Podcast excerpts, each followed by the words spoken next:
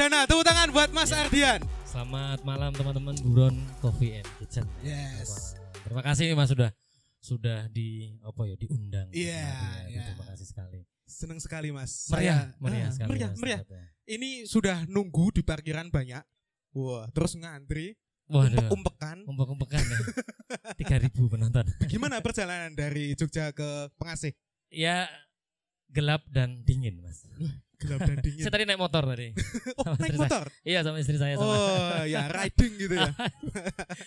Tapi nggak apa-apa, bisa dinikmati karena Pengasih itu banyak pemandangannya. Betul, Mas. Kanan kiri ada Oh. pepohonan. Tapi kalau makin malam makin malam ya harus hati-hati. Nanti dapat sesuatu di jalan Oh, atau anu ya. Eh, door prize mungkin. Anu ya, bonus ya. Ah, bonus. Oke, Mas Ardian ini Iya. saya sempat baca bio-bionya dari eh, kemarin. Saya riset dikit-dikit gitu lah. Iya, iya. Nah, supaya apa ya istilahnya saya itu nggak kaku gitu ya. Ah.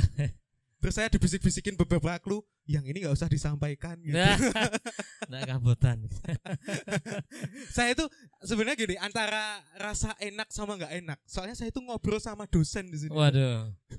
Nganu, Mas. Nah Eh, ini apa hubungannya nih musik sama dosen itu? ya eh, sebenarnya hubungannya Hmm. eh tidak ada sih Mas sebenarnya. Ah.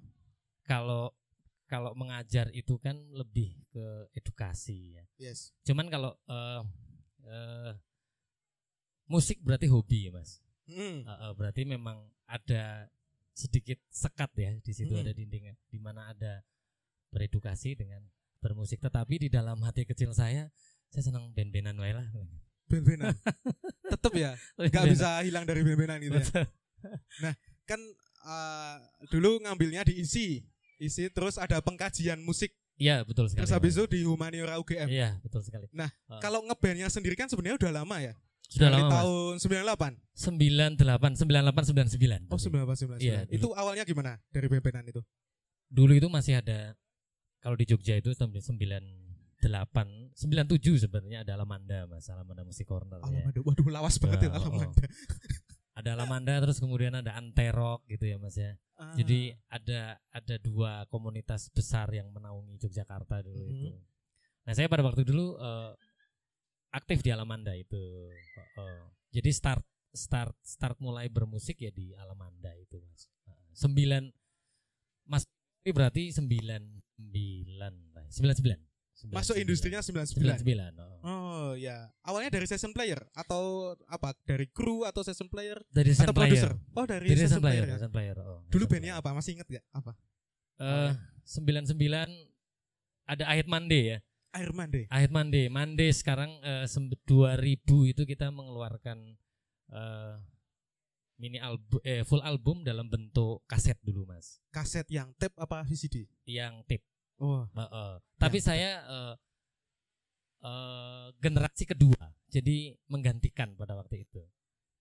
Sebelumnya ada generasi yang uh, pertama merilis. iya. Oh, terus pertama. ya ini Terus generasi yang kedua. eh, saya gantikan itu. Nah, ini menarik karena saya sempat baca bionya itu ada yang uh, dinamakan Soundbox Factory.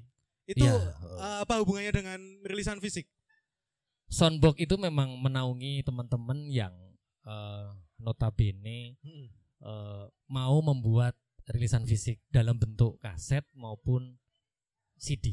Hmm. Eh, eh, Jadi kalau di pada waktu itu kan memang sembi, 99 2000 sebelum ada DSP ya maksudnya Ah, digital platform itu kan memang platform. oh, oh, betul itu kan memang banyak sekali orang album mesti fisik ya album fisik terus Hmm. kemudian eh, namanya kultur kan mesti berubah ya terus kemudian ada digital platform tadi itu nah terus Nah. kemudian tapi sekarang rilisan fisik juga masih masih banyak diminati mas Hmm. karena di Jogja atau di Jawa Tengah di Jawa Tengah itu kan ada lapak guyup atau eh, Jogja Record Store Day yang dilakukan Yes, Jogja Record Store Day. Iya, terus ada Magelang Record Store Day, Semarang Record Store Day. Jadi mereka yang eh, jadi eh, jangan jangan putus asa atau bimbang kalau mau bikin rilisan fisik itu. Yes, karena masing-masing segmen itu ada penikmatnya ya. betul betul sekali. Ah, Oh. Termasuk kemarin tuh juga ada teman-teman kita dari uh, Balas Dendam Hardcore itu juga ngerilis rilisan fisik. Terus ada Iya. teman-teman lain di hardcore bahkan Popang itu memutuskan buat merilis di fisik sebenarnya apa yang menjadi perbedaannya dari fisik dan DSP kalau menurut eh, Mas Ardi ini? Mengingat zaman kan sudah modern sekarang. Iya, betul. Kalau digital itu kan mungkin lebih aksesnya lebih mudah, Mas. Hmm. Maksudnya akses dalam artian punya aplikasi Spotify terus mau berlangganan maupun yang krek-krekan begitu ya. Oh. itu, Yang mod. iya. itu kan bisa. Tapi kalau perilisan fisik berarti kita harus beli CD. Eh harus- Mas, yang pakai Spotify mod senyum-senyum dari tadi. tapi itu masih masih nganu Mas, masih Ah. mendarah daging. Iya, ah, ah. Ah, ah. So? Jadi kalau Hmm. kalau rilisan fisik kan berarti dia harus membutuhkan medianya. Mm-mm. Jadi harus beli Discman atau tapi kalau secara kualitas kualitas audio memang eh, rilisan fisik itu yang masih masih karena belum belum terkompres. ya. Yes. Kalau kalau DSP itu kan eh, sudah berapa megabyte terkompres tetapi eh, aksesnya lebih mudah dari eh, apa namanya Library-nya ya. Iya, terus kemudian juga menguntungkan dari setiap eh, apa namanya setiap artis atau band yang mau eh, apa namanya mempunyai digital platform itu mas. Mungkin streaming berapa rupiah begitu dan Mm-mm. sebagainya itu kan lebih Mm. dipermudah. Nah, yang berkaitan dengan rilisan fisik dan juga DSP, eh, band-bandan itu kan berhubungan juga sama show, Betul. eh, stage gitu ya. Ada player yang lagi nge-show, ada konser dan lain-lain. Nah, saya itu pernah datang ke Ngayog Jazz yang tahun 2019 2019. Nah, kemarin itu ya, yang- ya, pas almarhum Jaduk. ya Mas Mas ya. Ah, ah, terus ada Mbak Gusti di belakang itu saya Iya, lihat. oh, oh. Nah, itu di, di Godean ya pas itu. Kemudian Nah, Soekarto. kalau kita melihat sejarah ke belakang, sebenarnya Mas Ardi ini tuh di uh, jazz juga cukup aktif ya. Ada di Jazz Band Senen, terus ada di Iya. blues juga di Jogja Blues Forum. Itu gimana Betul. ceritanya angkatan awal-awal dulu? kalau jazz band Senen itu berarti memang dulu belum ada konsep mas. Mungkin seperti teman-teman di gerbek jamming begini. Mm-mm. jadi satu visi satu tujuan Hmm. ayo bikin. Karena pada waktu itu memang musik jazz eh, sangat mahal ya dalam art, tanda kutip begitu. Maksudnya orang-orang dari kalangan strata menengah ke bawah dan sebagainya itu susah untuk menikmati itu adanya jazz Senen berarti ini menjadi media teman-teman untuk bisa mengakses musiknya jadi gampang tuh mas ibaratnya setiap Senin nang Bentara Budaya ndelok gratis tinggal lingguh gitu kan Nah, Jadi- iya, iya. sangat dipermudah yang Itu. biasanya tiap Senin pagi upacara ini malamnya Jazz Band Senen gitu ya. iya jazz-jazzan jelimet gitu Setuju nggak kalau jazz itu termasuk musik yang rumit?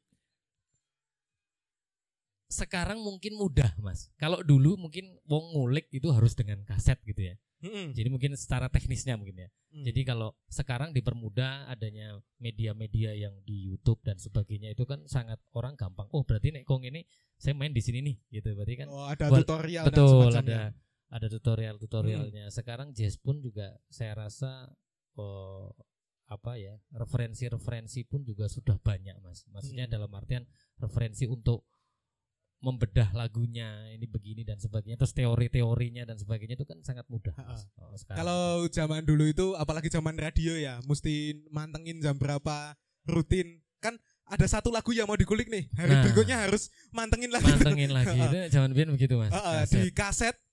Bahkan anak-anak muda sekarang nggak nggak semua itu paham. Coba sekarang yang generasi Z di sini ada nggak? Tahu nggak hubungannya kaset tape sama pulpen? Tahu nggak? Tinggal muter ya mas ya. Wah, kalau jenengan tahu mas.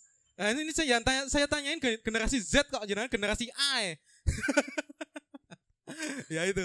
Termasuk ada tape terus ya mini kompo dan lain-lain. Wah itu betul. masih- Oh, beberapa masih ada peminatnya. Saya setuju akan itu. Iya sekali. Betul sekali. jadi memang zaman zaman modern itu tidak bisa menghilangkan konvensional yang lama mas. Itu saling saling menguntungkan loh dalam Yes, ekosistem ya, begitu, Mas. termasuk ada peminat-peminatnya betul, Nah, betul saya juga ya, termasuk tipe yang eh, kemarin ada rilisan-rilisan itu kan kadang ada box set gitu kan. Ah, saya malah set. tanyanya biasanya ini yang kasetnya ada nggak gitu soalnya kadang kalau kaos itu kan rasanya aneh tuh Eh, dalam tanda kutip membenderai kaos tertentu gitu betul, kan. betul. di komunitas ini kok aku pakai kaos ini kok kayaknya nggak enak gitu Iya. yang di balik layar saya sempat cerita tadi contohnya nah itu nah selain eh, kita sempat ngomongin merchandise tadi eh, berhubungan dengan kaset terus ada juga sama mall nah Iya. saya Hmm. pernah dengar kalau Mas Ardi ini tuh termasuk aktif juga di pergerakan mall-mall ini. Apakah jadi eh, sortir belanja atau apa ini? Kulaan atau apa di mall itu? Hmm. di musik ya? Iya, di Sebagai apa tuh di musik? Di mall space itu sebenarnya jadi teman-teman itu pada waktu itu saya berserta eh, dengan teman-teman yang lain seperti Mas eh, dari lisan fisik Mas teman-teman dari lapak guyup itu Dari Lapak lapak Guyup. guyup Mhm. jadi ayo Mas bikin bikin bikin eh, se- eh, apa namanya sebuah acara yang rutin dilakukan untuk teman-teman bisa membedah lagu atau hearing session namanya Mas hearing session. iya Ya. betul Ya. sekali Membedah Oh. suatu lagu, single ataupun album gitu ya. Betul. Nah, eh, nah, nah, nah. itu yang sekarang pun masih rutin. Sudah ep- episode ke 100 berapa begitu ya, saya lupa. Udah Oh, ratusan episodenya. udah ratusan. Itu bisa disaksikan di mana? Di YouTube Di atau Spotify ada, Mas. Eh, Oh. Jadi podcastnya ada. The Oh. Barbar namanya. The apa? The Barbar. The Dengerin Barbar. kok. apa? Oh ya, Itu teman-teman bisa dengerin nanti di The Barbar di, di Spotify. Di ya? Spotify. Oke. Itu. Yes. Jadi karena memang eh, banyak Thomas teman-teman yang Hmm. eh, kita butuh satu sarana untuk mengerti sebenarnya apalagi zaman-zaman sekarang ini kan susah eh, Hmm. lagu-lagu yang tidak mainstream di era-era ini kan mungkin dari segi liriknya, dari segi soundnya mungkin dan sebagainya. Nah di situlah nanti kita bisa di Oh, apa namanya? Yes, yes. Halo. Oke. Terus kalau kita balik lagi ke zaman pengalaman pentas nih. Ya, oh, Nah, kadang kan gini. Kita itu kalau ketemu stranger itu kadang nggak tahu ya ini itu siapa gitu kan. iya. Terus ini saya kulik-kulik nih. Wah, ternyata Mas Ardi itu cukup ngeri sejarahnya menurut saya. iya. Karena ada hubungannya sama Synchronize ya. Awal-awal kebentuk. Iya betul mas. Itu gimana Synchronize Festival? Festival terbesar di Indonesia loh itu. Awalnya gimana Mas? Coba diceritain ke teman-teman. Siapa tahu teman-teman pengen tahu sejarahnya. Iya di Synchronize itu kan sebenarnya acara rutin tahunan mas yang memang diselenggarakan buat teman-teman yang mempunyai eh, berbagai apa ya label atau rumah produksi ya mas. Maksudnya kan eh, kalau di tahun lama mungkin kalau pentas-pentas secara umumnya mesti band-band label gitu. ya. Jadi belum ada yang menaungi band-band sing mungkin minor label kah atau independen dan sebagainya kan belum ada. Justru awalnya Synchronize itu malah yang minor-minor label. Eh ya, betul sekali, Mas. Oh, Terus iya, iya, sekarang karena eh, apa namanya ya kembali lagi ke bab masalah kultur bergeser terus kemudian dari label kan sekarang ada raja pun ikut main. Hmm. Oh, eh, Kangen awal-awal dulu itu malah belum dikelola sama The Majors Record itu belum. Dulu sudah, sudah The Oh, Major. sudah. Eh belum Mas, belum. Belum. Nah, The Major itu setelah pertengahan itu baru dia masuk. Hmm. Karena kan The Major itu kan mau menaungi beberapa eh, artis-artis banyak Yes. nasional banyak ya. Nah Hmm. itu di situlah Mas. Hmm. Nah, itu kan dari balik layar ya. Kalau pentas dari panggung ke panggung, eh, dari kan pernah juga pentas eh, di Bandung, Malang, Kalimantan tuh gimana ceritanya itu? Kan itu perjalanan tour yang cukup melelahkan. Iya. Dan itu gabungnya di band apa atau pas lagi session player?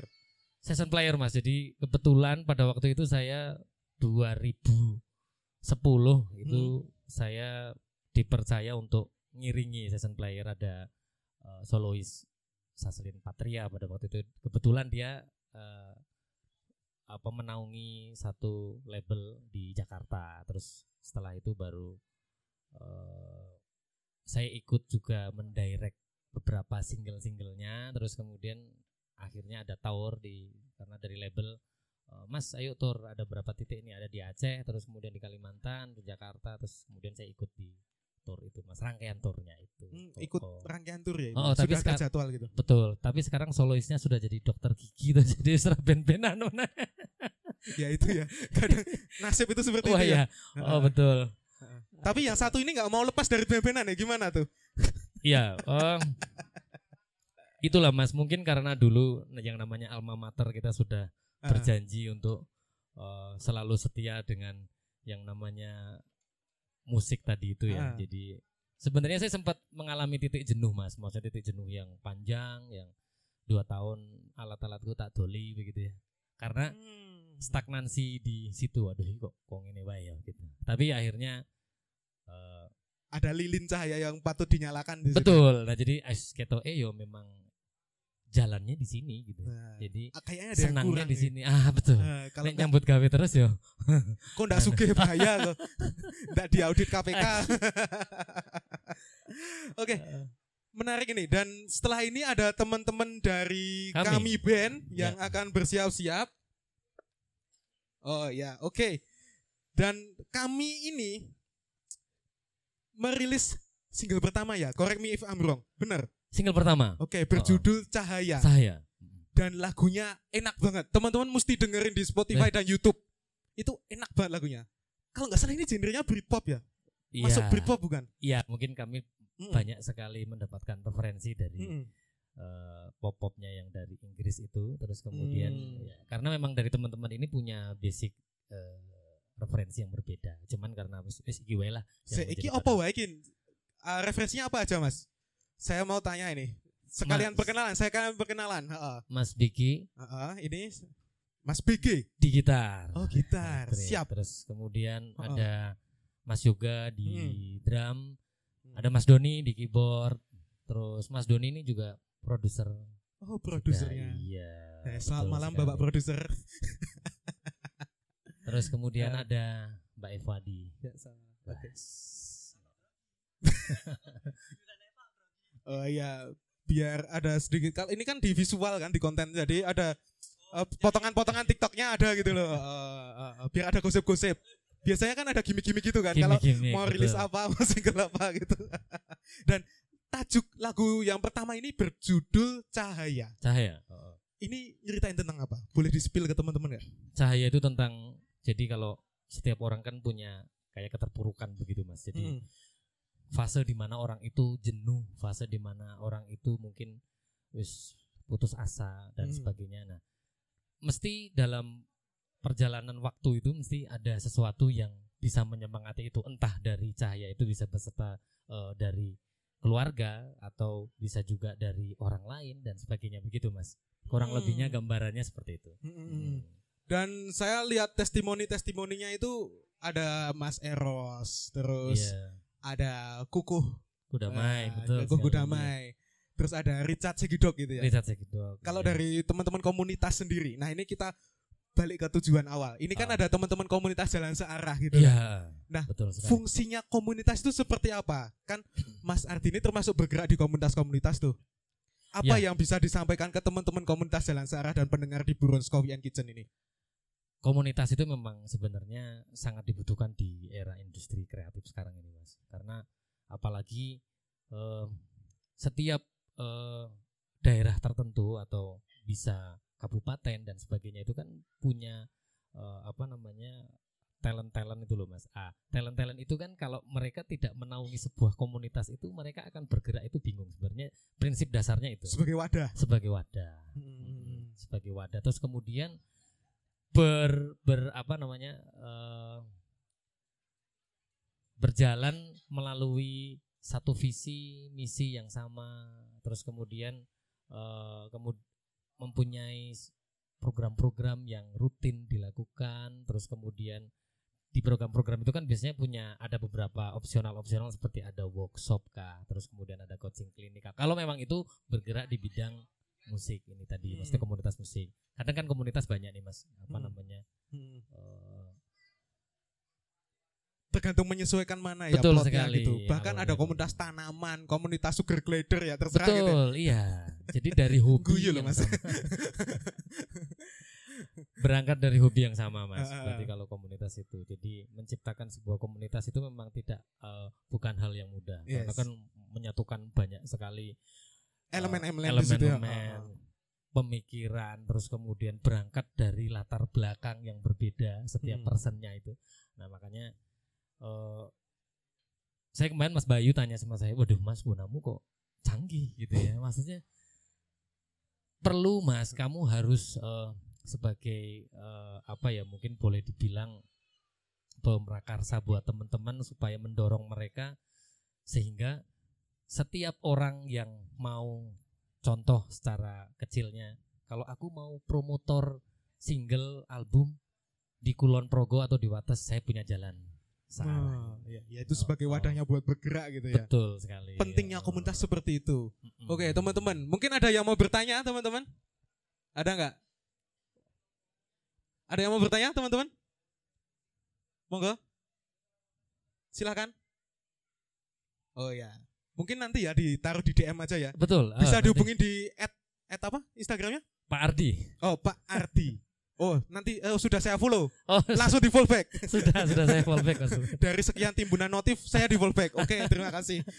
Dan tepuk tangan buat kami band karena saya melihat di sini ada masuk Spotify official playlist di I Love Indonesia Pop Rock Terbaik 2023 Pop Hits Terbaru dan Populer 2023 dan Viral British Cinta.